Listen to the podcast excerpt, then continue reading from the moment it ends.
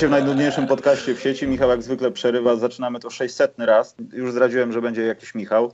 Będzie dzisiaj mocno homersko. Będziemy rozmawiać o Chicago Bulls i może to być bardzo długa rozmowa albo bardzo krótka, bo jeden z moich gości już powiedział o czym tu gadać.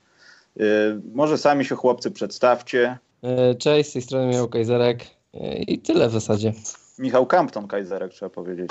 Ta, No, Michał, co się stało z twoim kultowym samochodem? Wiesz, po w jakie ręce po- poszedł w sensie?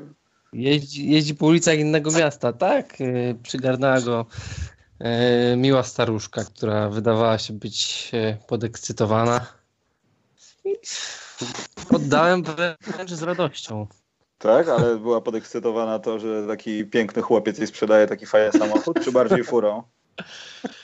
Nie no, myślę, że była podekscytowana, że będzie w stanie jeździć 600 km na jednym baku. No właśnie, ale co? Fiat Panda, tak? Z jakim silnikiem, Michał? Przybliż y, postać tego kultowego auta. O, e, 1-2 tam był, 1-2. Ile było przeturlane na nim przez ciebie? E, 94 bodajże, 95. Największe mankamenty techniczne? Trochę, nie, tam nie było żadnych mankamentów człowieku, to auto się nie psuło. No, z największym mankamentem technicznym tego auto było to, że było po prostu wolne i to mnie zaczęło denerwować. Jaką rozwijało prędkość maksymalną? Przez ciebie wygenerowaną? Czy to była prędkość Chyba- autostradowa, czy bardziej? ja myślę, że to była prędkość też w drodze do Warszawy, jak jechałem e, pewnego dnia na kampy Gortata, wtedy, chyba wtedy dobiłem do 170 i to już było niebezpieczne.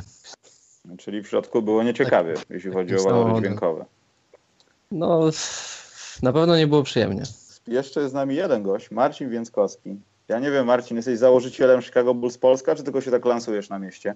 Nie, tak tylko się tam lansuje. Lansujesz się, mówisz. E, No. Powiedz, e, jak twój samochód, bo ty też masz ciekawy samochód, tylko że ty trochę, wy tak nie pasujecie do siebie chyba, jak jest ciepło. Ale co, ja z autem czy ja z Michałem? Heterosceptycki żart, rozumiem, popieram, y, szanuję, Tak. ale, ale nie, ale bo ty... Nie, mój, mój, moja magiczna zielona strzała Astra z 2000 roku ma się bardzo dobrze. Zresztą, Ale ja mówię o twoim służbowym aucie. a moje służbowe auto, Smart, tak, to Tak. Pasuje, pasujemy do siebie idealnie. Jesteśmy, jesteśmy identycznych gabarytów. Czasami Wypełniasz całą nierozłączni, jak przestrzeń. jest, że jak jest ciepło, jesteście czasami nierozłączni, że ciężko się zlep, odlepić od tej fury. Jak jest gorąco, tam są dwie strefy klimatyczne, bo na czoło z przodu leci mi klima, a na czoło z tyłu e, szklarnia z tylniej szyby, nie? Ale y, nie masz, że tak powiem, pola do popisu jakiegoś, że możesz sobie wymienić, bo wszyscy mają smarty, czy po prostu jest jeden i ty nim jeździsz? Bo Nie, ja bym, jest- wiesz co, jest- dawno wymienił. jeden Jakbym już tak miał, to nie, to nie. Chyba bym wolał na piechotę niż stać w tym korku. Nie, jest, jest jeden, jest mój.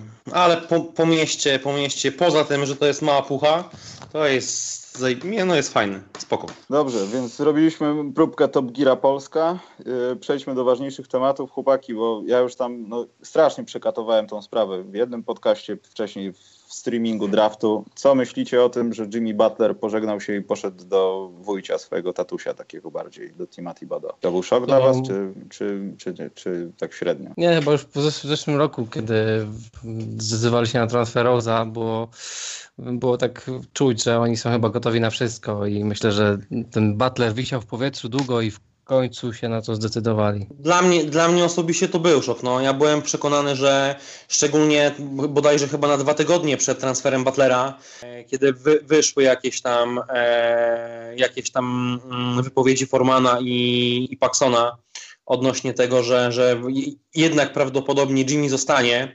i że nie ma tematu tam e, wymian z Bostonem, przede wszystkim z Bostonem, tak? E, to byłem przekonany, że, że jednak nie zdecydują się aż na taki ruch, tak? Dla mnie osobiście to jest zaskoczenie i biorąc pod uwagę to, że akurat stało się w tym momencie, e, no totalny, bardzo, bardzo zła decyzja, no bardzo zła. No ale co, byłeś zaskoczony do tego stopnia, że myślałeś, że to się nie stanie? E, że to się stanie by, nie teraz, albo w zimę, albo w przyszłym roku. Na pewno na, byłem, e, byłem przekonany, że prędzej z Chicago pójdzie Wade jak Butler. O, w ten sposób. Właśnie, ja, znaczy, ja to ja, jak przyjąłem to na żywo, no to byłem bardzo zły, aczkolwiek rozmawiałem z kilkoma osobami wcześniej, nawet jak w tym czasie, kiedy najlepszy przyjaciel Russella Westbrooka, były zawodnik Oklahomy, y, Touch Gibson, y, został wymieniony z Chicago, to już myślałem, że brzydko mówiąc, to gówno się zaczyna. Zaczynają się nieracjonalne ruchy, które mają doprowadzić do jakiegoś potencjalnego albo nawet pozornego y, zysku. Y, I ten zysk nie został osiągnięty w tej wymianie, chociaż z drugiej strony też Taj Gibson pierwszej młodości nie jest i to się tam wszystko może różnie poukładać. No ale to, to nie była dobra wymiana dla Chicago przede wszystkim. I to już był moim zdaniem początek końca. Tylko pytanie było takie, czy za jaką cenę Butler powinien odejść z Chicago? Myślę, że no, ta cena to się dopiero okaże, jak wyjdzie to z draftem i tak dalej. Natomiast y, wydaje mi się, że to trochę za mała cena. Też bardzo dużo zagrało w tym, że pewnie Chicago poza jakimiś raportami dogadywało się albo starało się dogadać z innymi klubami, szukając opcji. Myślę, że jeśli szukali po prostu zawodnika za zawodnika, to próbowali to, to zrobić jeden na jeden albo osiągnąć jak najwyższy pik w drafcie i pójść grubo wyżej, ale to też pytanie, czy ktoś by podjął się takiej wartości Butlera, ale z drugiej strony to daje przynajmniej, wiecie co, powiedziałeś Marcin o gar, gar, Garze, tak? Gar Forman, hmm. że oni co roku mają jakieś głupie raporty. Ja pamiętam ten, to, tą sławetną konferencję, nie po tym sezonie, tylko po poprzednim sezonie, jak mówili, że trzeba uatletycznić skład i nagle się Rondo z Wade'em pojawili w Chicago.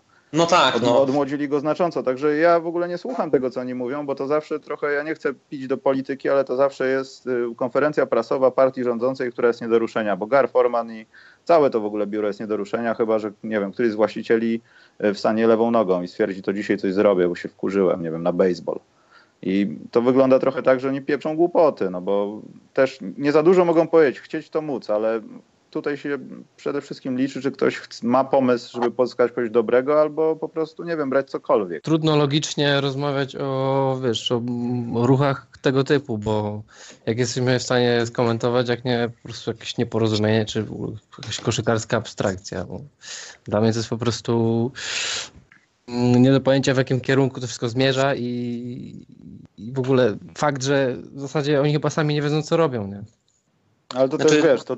Z mojej, z mojej perspektywy to jedynym racjonalnym wytłumaczeniem tego trade'u jest to, że pozyskując ten pakiet z Minnesota za Butlera, czyli Lawin, czyli Dan, czyli, czyli Markanen, to oni celowali, przynajmniej tak mi się wydaje, tak? Chicago celuje i bardzo chce osiągnąć ten top 3 pik w przyszłym roku w drafcie. A Lawin to było prawdopodobnie e, jedyny gracz, który będzie w stanie przyciągnąć paru, paru kibiców na, na trybuny United Center, tak? Jedyn, jedyny gracz, który z tych wszystkich plotek z Bostonem mm. e, czy, z innymi, czy z innymi zespołami, no to, to, to, ja to przynajmniej tak odbieram, tak? Taki magnes na, na z, zebranie paru więcej kibiców na halę, no. No ale Przecież to akurat nie było strony... nigdy problemów z wypełnieniem hali. No, no mów okay. Nie, no mów, mów, mów. Nie no, ja tylko chciałem podkreślić fakt, że akurat Chicago Bulls mają jedną z najmocniejszych, jeden z najmocniejszych fanbase'ów w NBA i tam e, jeśli chodzi o, o fanów zespołu bym się nie martwił, bo też wytrwali e, kilkanaście lat bez zespołu um, takiego mistrzowskiego kalibru, więc jeśli o to chodzi, to, to, to, to, to nie ma się co martwić, co też jest doskonałym tego przykładem jest ta akcja Firegar Park z, z tym spotem, tym billboardem. Billboardem. No, więc e, o fanów bym się nie martwił. Martwił się tylko o głowy, które podejmują tę decyzję. No. No ale to też. Y, sytuacja wygląda tak, że jeśli to się będzie ciągnęło przez następny sezon i będzie znowu kilka złych decyzji, ale teraz nie wiem, co musieliby oddać, kogo nie podpisać albo kogo podpisać, żeby to nazwać bardzo złą decyzją, bo to już jest po jabłkach i ten zespół już jest... Lopeza no może, no ale nie. Chodzi mi o to, że wiesz, no nie, z tym składem elegancko, elegancko tankujesz i zrobiłeś to w momencie, kiedy wszystkie kluby chcąc, nie chcąc mogą wyglądać, że tankują na wschodzie, bo wschód będzie bardzo słaby. Wszyscy o tym wiemy, bo wiadomo co się stało. Natomiast czy, czy po pierwsze dadzą radę być tak źli, żeby coś zarobić na tym przyszłorocznym drafcie? A jeśli, a jeśli tak, to co się stanie po tym sezonie? Bo wybrać typa w drafcie to nie jest problem ten draft może być słabszy, ale tam też będzie parę nazwisk, które mogą no się ten Michael Porter Junior, tak? Ale liczysz na jedynkę, wiesz, czasy Rose'a to się raz wydarzyły, a potem wydarzyło się w Portland i 1,7 szans procent, wiesz, i, i mają pstryk, a ten gość idzie z jedynką jak nic, no. Na, jed, na jedynkę nie liczę, myślę, że... No to nie ma szans na tego typa. On już teraz jest jedynką, chyba że się nie połamie. To wiesz, jak się połamie sobie coś zrobi z kolanem, to pewnie trafi do Chicago, bo w Chicago takich biorą. Nie jest aż tak źle, natomiast, yy, bo zgubiłem myśl. Chodzi mi tutaj o to, czy, czy to, że teraz sobie mówimy, znaczy mówimy, no wiadomo, że ten skład dużo pieniędzy też nie będzie pożerał i tak naprawdę mają spory nadmiar na następny sezon. Po tym sezonie, który jeszcze się nie zaczął, yy, będą już naprawdę mogli z kimś rozmawiać, bo będą mieli kupę kasy, czy kupę kasy. Ktoś nam będzie miał więcej, ale będą mieli na tyle pieniędzy, że mogą podpisać jakiegoś zawodnika, który powiedzmy na zasadach Butlera będzie przechylał tą szalę, że bardziej bliżej playoff, bliżej 9-10 miejsca. I zastanawiam się, czy to znowu, czy znowu nie będzie podpisany jakiś zawodnik, który po prostu guzik da, bo Butler był wybrany w drafcie za ta starej warty, która się przeniosła do Minnesoty, no i okazał się no, bardzo dobrym zawodnikiem. No. I ktoś go wybrał, znaczy, tak? A... Znaczy umówmy się, chyba na, na ten moment e, renoma i autorytet e, duetu Forman i Paxson jest na tyle mocna, że raczej żaden topowy e, wolny agent e, długoterminowej albo nawet, nie wiem, rocznej czy dwurocznej umowy z opcją z Chicago po prostu nie podpisze. No. Myślę, że szczy, szczytem marzeń w przyszłym roku e, z tymi historiami, które miały miejsce w ostatnim czasie, tak? Zawieszenie Butlera, zawieszenie Wade'a, odsunięcie Rondo od składu, o ile oczywiście dalej tenerem będzie Hojberg, to szczytem marzeń tutaj będzie przepłacenie gracza pokroju Horforda i zapłacenie mu 300 baniek za rok. No.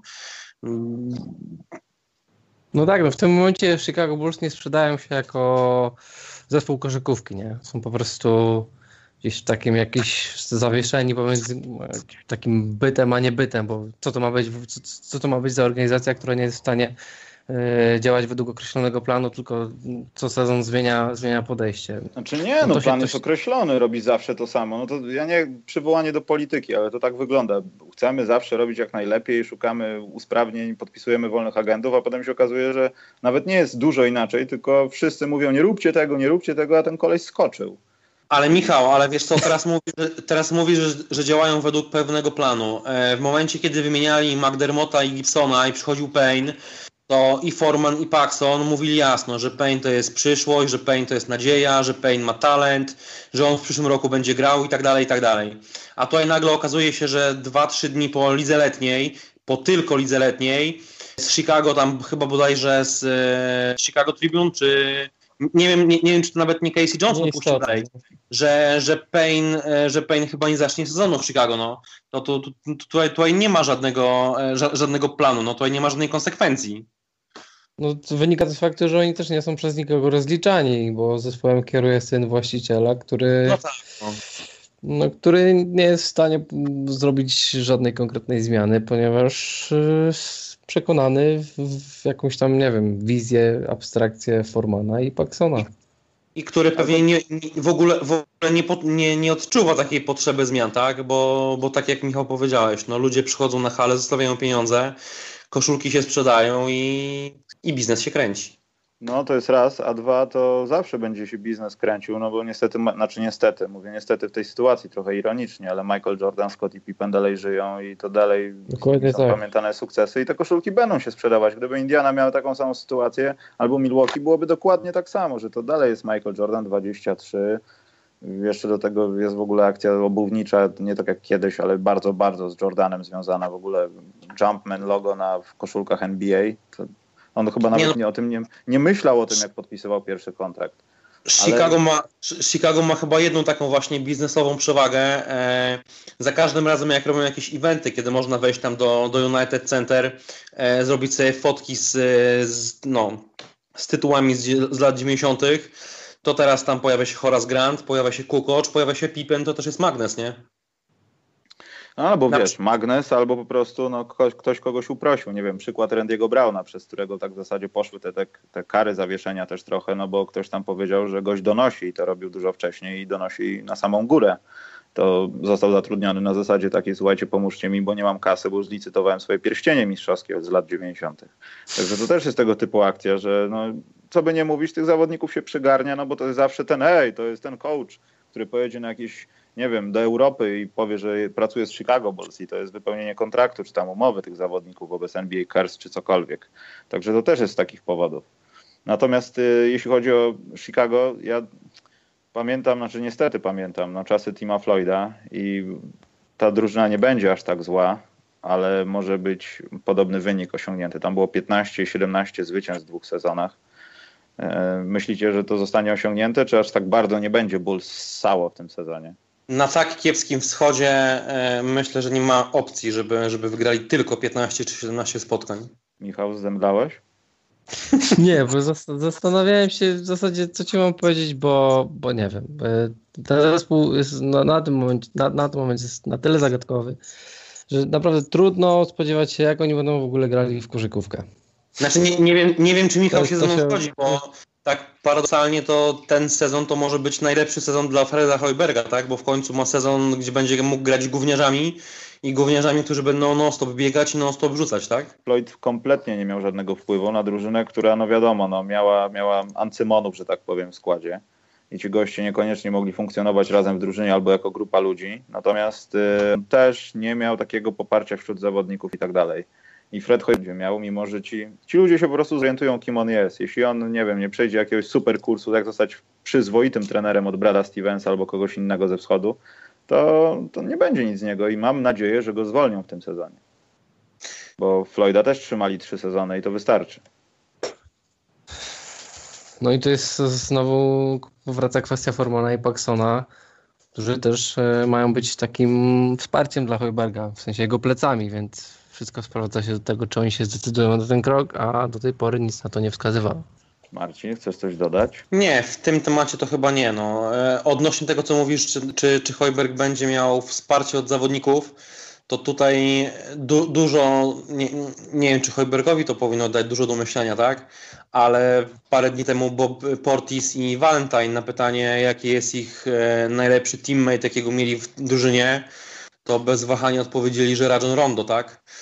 Który, który nie grał chyba z Hojbergiem przez pół sezonu do jednej bramki, no nie było im po drodze. Cały czas e, ja cały czas przystaję przy tym, że Fred Hoiberg radzi sobie nieźle na poziomie uniwersyteckim, ale NBA to jest po prostu dla niego zbyt dużo ego do ogarnięcia i on nie jest w stanie tego. Zbyt dużo decyzji podjąć, przede wszystkim w trakcie jednego meczu. No. Fred nie, nie ma, Boże, no nie ma takiego instynktu. Nie, nie ma, nie... A może jest po prostu gościem, który w szatni jeszcze nie powiedział kurwa mać, wait, nie rzucaj po 200 razy, zaczyna, zacznijcie mnie słuchać, bo was wypieprzą na zbity i będą kłopoty. Może to jest tego typu problem, że on boi się albo w jakiś sposób nie potrafi wyskoczyć do rondo i nawet wdać się z nim w bójkę, wiesz, bo to jeśli go coach Thibodeau to by od razu zdejmował koszulę i tam zrywał wszystko i pewnie by do takiej sytuacji znaczy, Michał, nie no, doszło, no ale ten go nie ma charakteru po prostu od momentu, kiedy, od momentu, kiedy Hojberg pojawił się w Chicago, no to zaczęły się w Chicago w drużynie na ławce w szatni problemy komunikacyjne, no. A ten sezon to już było, była kwintesencja, tak? Gra Rondo w pewnym momencie wypada z rotacji. E, Jimmy Wade zostaną zawieszeni. Jerry Grant w jednym meczu gra w pierwszej piątce, a w drugim meczu nawet nie jest wysłany do D-League. No. Bobby Portis e, i Felicio mieli identyczne sytuacje, tak? Felicio dostaje minuty w, trzecich, czwartych kwartach, e, dochodzą playoffy, e, grają w playoffach, a tutaj czwarte kwarty dostaje over. No. I gdzie tu sens, gdzie tu logika? Zacząłem płakać, bo przypomniałem sobie to wszystko. To jest ja bardzo smutne. Dobrze, już przestańmy o klubie rozmawiać, który mógł mieć Lamarcusa Aldridge'a, ale go przecież wymienił za Tyrusa Thomasa, który przecież jest jedną z większych legend w NBA. Yy, słuchajcie, jest taki, taki mały konkurs. Znaczy nie będziemy robili o tą nagrodę, co mówiłem, bo to jest bez sensu. Znaczy konkurs. Chodzi o to, że musimy wymienić mhm. trzech zawodników z NBA, znaczy twórz z NBA, z Chicago Bulls, którzy grali, no ja nie chcę wracać do lat 60. i do zabijania krów i tak dalej, ale powiedzmy do lat, no nie wiem, no naszej pamięci telewizyjnej, czyli TVP, czyli powiedzmy początku lat 90. E, trzech gości, którzy kompletnie byli. Co? To chyba w waszej pamięci. Dlaczego ja waszej? Wtedy... Michał, no, przestań, to... Czyli co, sugerujesz, że się nie znasz na, na historii Chicago, nie jesteś chicagologiem? Yy, chyba nie aż tak bardzo jak kolega Marcin. I popsułeś, popsułeś Michałowi konkurs. Nie, ale on, ale on na to no, będzie potrafił odpowiedzieć, bo nawet z tego wieku jest kilku takich graczy, z którymi się biłem, że trzeba wymienić trzech graczy, ale tylko trzech, więc wybór jest trudny. Których pamiętacie przez to, że może byli słabi, może zagrali sezon, ale z jakiegoś powodu pamiętacie ich nazwisko. Nie ma żadnych warunków, ten gość mógł zagrać jeden mecz, nie ma D-League, nie ma nic, jest po prostu zespół, skład, kontrakcik i tak dalej. Nie może to być Jordan, Pippen, Rodman, wiadomo o co chodzi, tak? Judd Bichler, Robert. Do, powiem tak, Cory Blunt jest mainstreamowy w tym konkursie. Ustalmy sobie takie, takie próg. Nie, to Michał? bezdyskusyjnie. Judd Bichler, Robert Parrish i jako trzeci e, pff, nie wiem, Kirk Heinrich, no. O Boże. Powiem ci, że jednego mojego wymieniłeś, także Nie, zobaczymy, no ja, ja, co, by, co by nie mówić, no ja Kirka Heinricha uwielbiam, no to jest prototyp, to jest prototyp Matthew Delavedowy i jakby nie patrzeć ikona Chicago, no. To powiedz o reszcie też. Dlaczego? Judd Bichler, nie wiem, to był 90 chyba 6 albo 7 rok, jak pierwszy raz mnie budził ojciec z bratem, jak oglądaliśmy, fi- 97, bo to były finały z ten, z, z Utah. A może 90, no nieistotne, ale wchodził gość, który e, jak parę spotkań, jak, jako gówniarz, wtedy miałem ile, 8-9 lat, to wszyscy zawodnicy NBA wydawali się tacy gipcy, nie? Gipcy, szybcy, skoczni, efektowni, wiesz, Rodman, Kemp i tak dalej, i tak dalej. I w pewnym momencie wychodzi gość, który wygląda jak, nie wiem, mój nauczyciel kurwa od muzyki w podstawówce i dostaje, i dostaje piłkę na obwód, nie? To dla mnie to po prostu była abstrakcja. No ja nigdy nie zapomnę, jak Dad Bichler chyba trafił dwie albo trzy trójki w którymś meczu z finałów. Dla mnie to w ogóle była abstrakcja. Gość, który nie jest atletyczny, który nie jest umieśniony, który nie A biega. nie zgadzam się, kompletnie się nie zgadzam. Y, Plakaty w ogóle z Magic Basketball pokazują inaczej. Prze- Bichler miał buły, jak miał buły. jak Pod koniec swojej kariery w Chicago to miał buły. Miał buły normalnie takie, że górę miał niezłą, tylko że był dalej biały i miał już zakola w wieku 25 lat. E, Moja trójka, ja sobie przypomniałem dwóch takich szczególnych, którzy mi utknęli. Pamiętam, że to były moje początki oglądania w ogóle Chicago Bulls tak na poważnie. Kwiecień Wtedy jeszcze w drużynie 2010. byli Drew Gooden.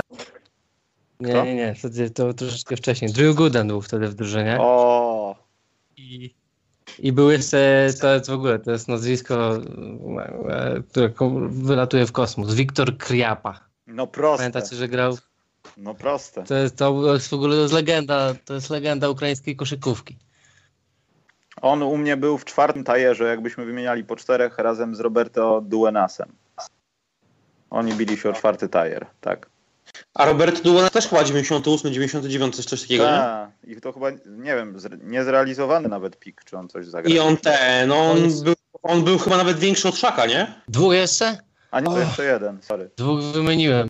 Czekaj, czekaj, kto tam jest taki ciekawy był za moich czasów? E, Hakim Wa- był, nie? Hakim Warrick. Był. Przez chwilę, no. No, on też był. No, On, ja myślę, że on e, zrobi karierę w NBA. Ale wtedy się jeszcze nie znałem. Był taki zawodnik, Michał, który nazywał się Eddie Robinson i też mówili, że on zrobi karierę i mało tego był bar tak samo sławny z tych samych rzeczy, z których był sławny ten zawodnik, o którym wspomniałeś, czyli głównie ze wsadów i nic więcej. Ale on zrobił karierę Jeremy chyba Evans. w fast foodach. W czym? W fast foodach Eddie Robinson, nie? Tak, no Eddie Robinson to on zrobił karierę, nie, Eddie Curry zrobił karierę w ogóle w, całej spożywce, spożywce myślę. Jadł wszystko i Zjadł razem z, Seanem. Mayem, razem z Seanem Mayem są w piątym tajerze, ale ja mam trzech innych. Trzeci to jest reprezentant Węgier, przez wielu okrzyknięty jako Michael Jordan albo jego zastępstwo, Cornel David. Powiem wam, że nie widziałem takiego poziomu słabej koszykówki, kiedy on wchodził na boisko. Ale był z Węgier, to wiele tłumaczyło. Tak. Sprawdźcie sobie highlighty, to Larry Krystkowiak to, to, to, jest, to jest MVP w porównaniu z tym gościem. Chociaż miał swoje momenty, nie powiem, 45 z gry, coś tam się działo, no ale nie wiem, ze 100 spotkań zagrał w NBA, także to też za dużo było. Y, Drugi no to jest Judd Bichler, to dwa punkty dla Jada. Jak go widziałem, widziałem mojego WF-istę, który nigdy się nie ruszał, jak kazał nam grać w piłkę czy coś takiego. On wyglądał po prostu potężnie, ale rzucał gałę, to sobie grajcie i po prostu chował się do kanciapy. Przeważnie tam w niej spał i jeszcze nam prowadził ZPety, także pan Andrzej był bardzo spoko. No i tak mi przypominał takiego gościa, że jestem sfrustrowanym nauczycielem, ale wejdę, rzucę z rogu sobie. I pamiętam głównie jego jakieś rzuciki za trzy punkty, no ale ta jego fryzura, no to był rarytas. I trzeci to Khalid Elamin. Ja się zawsze śmieję, że jak ktoś rozmawia o latach początku tego wieku, to, to jest jeden zawsze. Gość wyglądał jak taki mały pitbull po boisku i dosłownie był malutki, bo miał, nie wiem, niecałe 1,80 m, czy może miał 1,81 m. Grał jeden sezon, wydraftowali go, zagrał chyba nawet w tym samym sezonie, co Cornel Da- Dawid zagrał e, i no, też nie był za dobry. Także to jest moja trójka. Dobrze, więc Brawo. jeśli ktoś odsłucha tego za 10 lat, powiedzmy za ile Chicago Bulls będzie w finale. To chyba nie Odsłuchamy za tego. No za ile? Z, za ile? Ale tak strzelamy 10 na poważnie, czy tak sobie... Tak, na poważnie, na poważnie. Znaczy, Chicago będzie mistrzami wtedy, kiedy e, stanie się jakaś krzywda e, właścicielowi drużyny. No. Jakaś. Ja tam nikomu źle nie życzę, ale... Może Marcin ma już jakieś plany na życie. Ale e, No. nie, no pytanie to jest takie wiadomo, no, co draft przyniesie i tam kogo się podpisze. To jest takie też, trzeba byłoby sprawdzić kto ewentualnie. Ja nie mówię o, Na nie ty- wiem, jakiś kierunki Antony Davis, nie, bo z Chicago, ale e, czy w ogóle... Nie, no okej. Draft, No. draft talent to jedno, ale w Chicago powinni też zacząć myśleć i ustawić sobie jakąś strategię, tak? Co by nie mówić, Philadelphia jakąś tam strategię sobie ustawiła i przez parę lat wszyscy się z nich śmiali, a teraz odpukać, jak będzie zdrowie, no to mają... Nie, jak, nie jakąś, tylko trust the process. No. Tylko wiesz, najpierw trzeba mieć wybory w drafcie. zatrzymać. Jak się patrzy na wybory w drafcie za kadencji Gara Formana, no to nie jest może Okej, najgorzej, bo piki nie były wysokie. Tylko, że Gar Forman nie ma jaj do, do tego, żeby przez 4 czy 5 najbliższych lat e, pozwolić sobie na to, żeby Chicago wygrywało po dwóch spotkań w sezonie, bo wtedy naprawdę mówimy o tym, że fa- Chicago ma mocny fanbase. No. Jeżeli Chicago będzie wygrywało po 20 spotkań rocznie, no to ludzie nie będą w końcu tam przychodzić. Dobrze, czyli nigdy, nigdy. I ja mówię, że za do 2030. Ja chciałem powiedzieć 2030. Aha, teraz to tak, podpinka To ja jest, a ja trafię. Co? Ja mówię, dwa, ja mówię 2030. Za 11 lat, no za 13 lat, ale za 11 lat będzie trochę więcej wiadomo, bo może, może się uda tą jedynkę w drafcie. 1,7% szans. A wiecie, kto trafił jeszcze z takim samym procentem? Może to jest jakiś pech. Bo nie wiem, Portland zrobił to samo z Brandonem Royem. I żeby było śmieszniej, Brandon Roy jest y, trenerem y, tego Portera, który przyjdzie y, do NBA za rok niby. Bardzo ładny dźwięk wibracji, dlatego przechodzimy dalej. Rozmawiajmy o off-seasonie i zapomnijmy może o Butlerze, bo tutaj będzie chyba raczej na plus, że Minnesota zrobiła dobrą robotę. Przynajmniej, znaczy dobrą robotę. O, pozyskali kozackiego zawodnika do kozackiego No składu dobrą. i mogą coś grać dalej. No. Wszystko jedno, czy według przyjaźni, czy zasług, czy naprawdę talentu i wartości, ale to się stało. Mm, Która z waszym, poza tą oczywiście, najlepsza wymiana tego off-season? Za ciepło jest na myślenie człowieku. Michał Houston Rockets, tam taki facet. Gorzej, go, gorzej jak Czekaj, ktoś myśli, że ani Houston, ani Clippers nie zrobili dobrze. No. No ja nie wiem, czy można myśleć, że Houston nie zrobiło trochę dobrze. Nie no, oddając kurwa, 6-7 graczy? No dobra, no trudno, no ale to będzie big ballin, wiesz o co chodzi. To przynajmniej się coś będzie działo. No. Może Chris Paul ma dosyć No dobra, ale... męczenia się z Blakeem Griffinem, który zawsze coś. On sam też nie jest Okej, dziwny. ale ławce Houston odbije się brak Lou Williamsa, no umówmy się. No dobrze, no odbije się, no ale to też nie znaczy, że nie wiem, kogoś tam się nie da wyrzeźbić z tego wszystkiego. A myślę, że Mike D'Antoni to ogarnie i to bardzo szybko ogarnie. E, świetna sprawa Warriors, to może ja was jakoś zachęcę do odpowiadania, póki jest Michał ci za ciepło. E, e, No.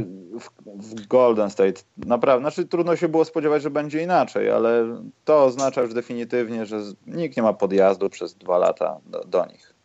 Po prostu. Żeby tylko przez dwa. Żeby tylko, ale takie dwa już na spokojnie, że media mogłyby już napisać, słuchajcie, jest początek sezonu 19-20.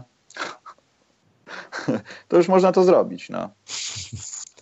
Śmiało. Znaczy nie, no tak, y, Warriors teraz są na absolutnie kosmicznym poziomie i wydaje mi się, że nie osiągali nawet dla tych Rockets, ale jak już mówimy o tym off-season, to myślę, że trzeba przede wszystkim pochwalić sama Prestiego, który wyciągnął Paul, Paula George'a za całkiem śmieszny pakiet i myślę, że y, dał tym dużą szansę na tam jakieś dalsze swoje działania w klubie, który nie jest w stanie przekroczyć podatku od luksusu. Tak? Ja widzę to trochę dalej mam to w zasadzie jako minus, ale to możesz dalej o plusach mówić, bo dla mnie to jest minus. No nie, no to teraz powiedz mi, dlaczego to jest minus twoim zdaniem. No bo nie wiem, no ja nie chcę zamieniać się w TMZ, ani w Aprox, ani nic takiego, albo jakiś Vice, coś tam, Sports, gdzie są ploteczki, ale to wygląda trochę tak, że Paul George powiedział jasno, co będzie działo się za rok i wszystko jedno, gdzie on pójdzie. Myślę, że nic go nie zachęci do tego, żeby to zrobić. Tak, pozdrawiam Bartka Tomczaka. I jednocześnie ja nie chcę jakichś sytuacji płacowych, bo na to się zawsze znajdzie sposób i trudno. Ktoś odejdzie z tego składu młodego, tego jądra całego i Magic Johnson zrobi to z zamkniętymi oczami. Jeśli Oklahoma straci i Westbrooka, i Georgia na rzecz tego To zespołu. będzie takie zachodnie Chicago. I wydaje mi się, że to jest całkiem realne. Ja wiem, że różne rzeczy są odrealnione bardziej lub mniej, ale to wydaje się całkiem realne i to jest tylko, też zastanawiam się, po co by to miało być. I to dlatego nie, nie, nie wiem, nie, nie krzewię tej te teorii gdzieś bardziej, bo wydaje mi się to też trochę głupie, coś ala UFO, ale z drugiej strony, jeśli tak się stanie, no to to może wtedy ktoś z Golden State będzie mógł walczyć sobie. Ale w tym momencie Russell Westbrook składa w tym momencie Russell Westbrook składa, składa podpis na pięcioletnim przedłużeniu. W tym momencie, myślisz?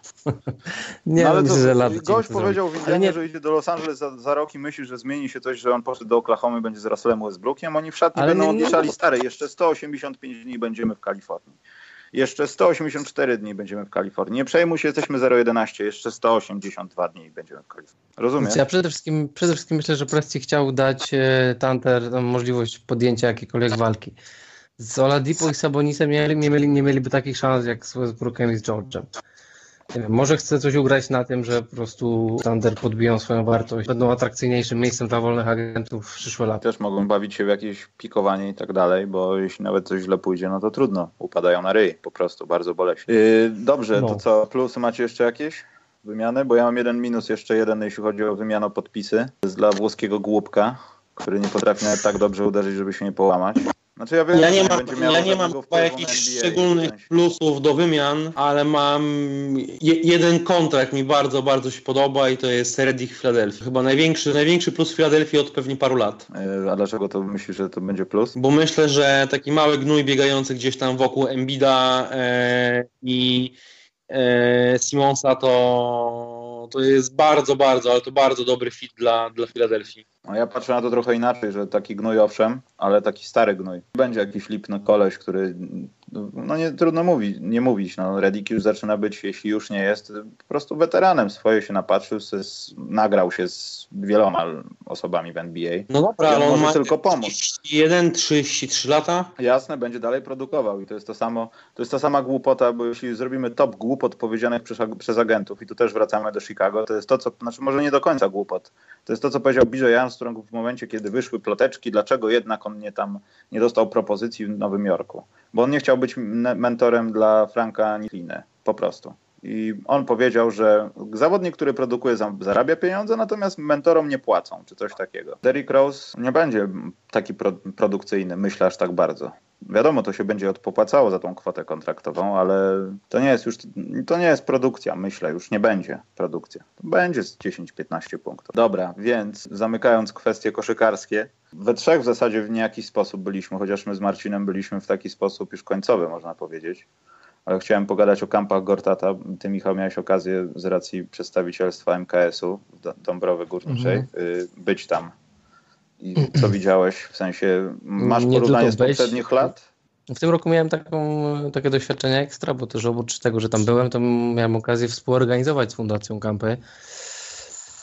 I, i myślę, że to, to było dość ciekawe, bo nowe, nowe doświadczenie, które na pewno tam gdzieś zaprocentuje, bo jednak ogar, ogarnięcie całej, całej tej imprezy wszystkich formularzy, które rodzice składali, a potem się upominali, dzwonili, czy na pewno dziecko jest podpisane.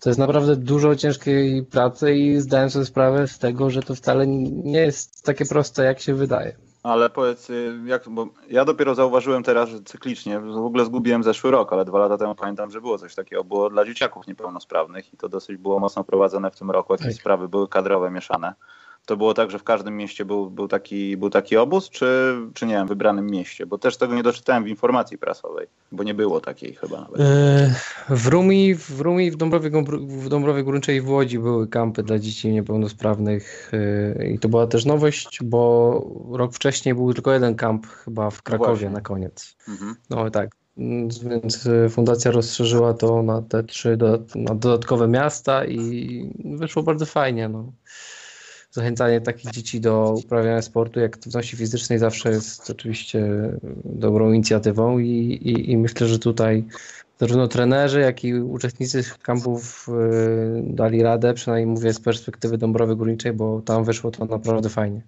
Mhm. Ale masz porównanie do poprzednich lat, nawet jak byłeś jako dziennikarz, żeby sprawdzić, czy było więcej, lepiej, czy cokolwiek, czy tak średnio? E, wiesz co, nie ma tutaj porównania, bo szczerze powiedziawszy, bo y, przez fakt, że było więcej miast, te, te dzieci się troszeczkę rozdzieliły i, mhm. i było ich y, mniej w poszczególnych, na, na poszczególnych y, etapach kampu. Bo tak jak był tylko jeden, to oczywiście wszyscy, wszyscy zjeżdżali się do Krakowa i tam była taka duża, ogólna, ogólny trening dla tych dzieci. A tutaj w tych miastach to jednak było bardziej kameralnie, i tutaj też mm, to, to nie jest tajemnicą, u nas było 20, 25 takich, takich dzieci, więc to jest ani dużo, ani mało, ale i tak cieszę się, że udało się kogoś tam, kogoś zebrać i, i zaprosić na te, na, te, na te kampy.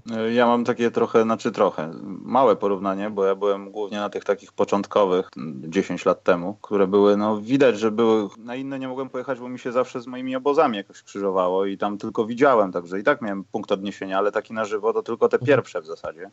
I to widać straszny progres. Ja już nie mówię o rozroście organizacji, lepszemu, nie wiem, sposobowi administracji tego wszystkiego i tak dalej, ale widać nawet różnice, jeśli chodzi o dzieciaki, które chcą w tym uczestniczyć, widać o popularyzację tego, to jest świetne.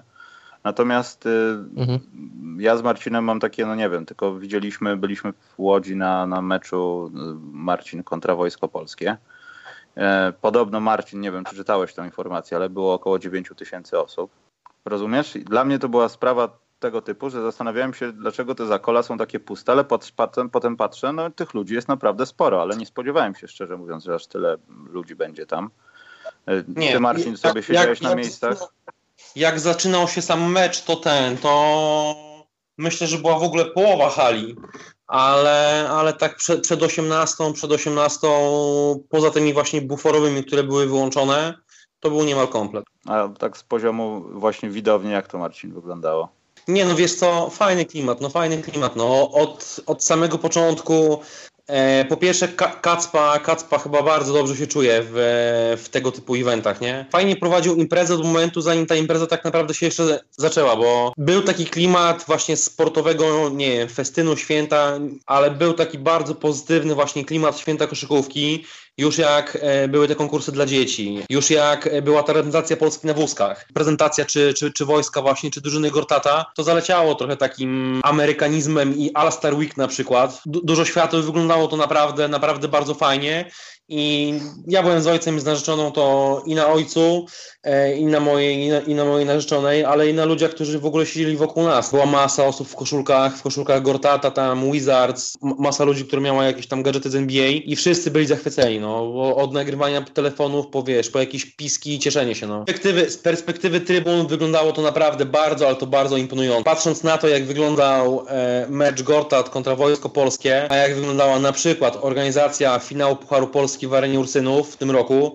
to tak jak rozmawialiśmy w samochodzie, no. Niby tak, no można też być złośliwym i powiedzieć, że to jest robione powiedzmy w, w miarę za, to też jest trochę wstyd, ale w miarę za prywatne pieniądze, bo to fundacja a tam to jest robione z pieniędzy, to też nie do końca publicznych, no ale bardziej niż, niż z tej strony, no w sensie gdzieś tam się skądś się pojawiły, nie do końca od sponsorów i tam gdzieś krążą te pieniążki z podatków, Przynajmniej mam taką nadzieję, chociaż wątpię, żeby tak było do końca. Z tym, że e, fundacja tym... znacznie lepiej wykorzystuje potencjał swoich pieniędzy. I... No jasne, no. Podejrzewam, no że, to jest, że to jest tak, że jeśli idzie się, ja nie wiem, ja mogę tylko podejrzewać, ale jak się idzie gdzieś coś załatwiać z miastem, zwłaszcza z Łodzią, skąd, no nie, nie, nie mówmy nic już, gość pochodzi, tak, także tym bardziej są dumni z tego, że jest w NBA idziesz do, albo twój człowiek idzie do pani prezydent miasta i wszystkie drzwi się otwierają. A tutaj no przychodzi jest, ktoś z biznesplanem z PZ Kosza, pokazuje to i nie ma nic do poparcia, czy tam, nie wiem, ze związku cokolwiek, to no i zastanawiają się, wie pan, u nas to nie do końca w kosza grają.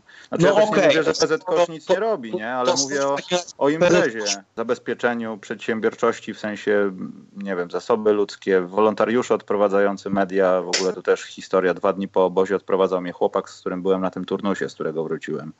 Także wolontariusze, jakieś dzieciaki, które grają w Łodzi, no, to było wyprodukowane po amerykańsku i tutaj to nie ma się co przyczepiać i tylko żal patrzeć, że nie można na tych obiektach w Polsce, bo on nie przyjechał ze Stanów, zrobić takiej samej imprezy albo porównywalnej. No. Mogą być mniejsze nie, no, pieniądze. Ale... W podstawie tego, co właśnie powiedziałeś, to niech mi ktoś wytłumaczy, e, czemu na przykład e, ludzie z PZ Koszu nie pójdą do Gortata i nie dogadają się z nim, że Marcin, wiesz co, chcielibyśmy co roku e, robić finał Pucharu Polski w Łodzi, bo ty stamtąd jesteś, bo tam jest lepsza hala, bo tam jest lepsza hala, e, bo w Warszawie to ogólnie można robić, nie wiem, jakiś wie- wieśniacki festyn tam na, na Ursynowie, bo to nie jest hala, do- hala do koszykówki. Wiesz, tutaj to podejrzewam, że jest tyle rzeczy po jednej i po drugiej stronie, że obie strony chyba nie chcą, nie ma albo nie widzą po co rozmawiać, bo się z jakiejś strony tam uprzedziły. Marcin coś może powiedział, oni coś powiedzieli, media to skopiowały i wiesz o co chodzi.